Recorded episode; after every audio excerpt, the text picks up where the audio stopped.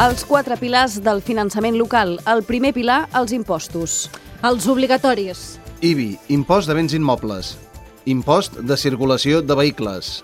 IAE, impost d'activitats econòmiques, només per a empreses que facturen més d'un milió d'euros. Els optatius. Impost sobre construccions i obres. Impost de plusvàlua per l'adquisició d'un terreny urbà.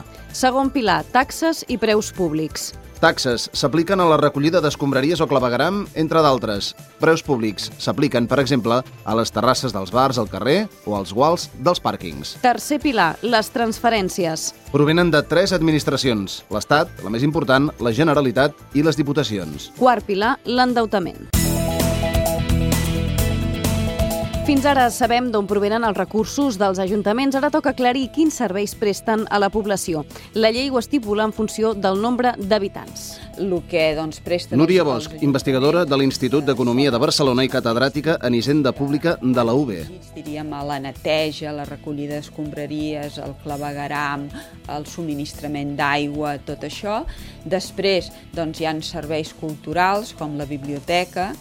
Eh, després tenim els serveis doncs, de transport i també hi ha alguns serveis doncs, de més de caire eh, de medi ambient, aquestes coses. A banda d'aquests serveis, hi ha municipis que n'ofereixen d'altres als quals no hi estan obligats, com els camps de futbol i les instal·lacions esportives, alguns serveis culturals o fins i tot les escoles bressol.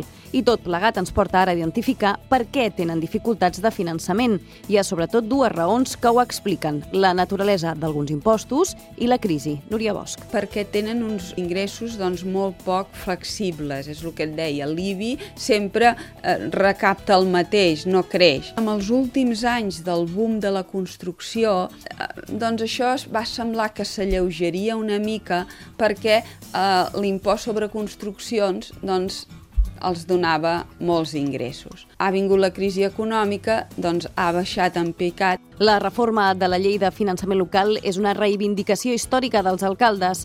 Des de la Federació de Municipis de Catalunya i des de l'Associació Catalana de Municipis i Comarques llencen aquestes propostes concretes. Sentim Manel Bustos i Salvador Esteve. Nosaltres reclamem que dels impostos propis de la Generalitat de Catalunya una part ha de vindre també als ajuntaments per poder desenvolupar el territori i desenvolupar les nostres ciutats. I una part clarament millorable de la part de l'Estat. potser no hauria de tributar el mateix eh, d'impost de béns immobles una residència eh, permanent que una d'estacional. Esperen poder abordar amb l'Estat la reforma de la llei de finançament local després de les eleccions municipals.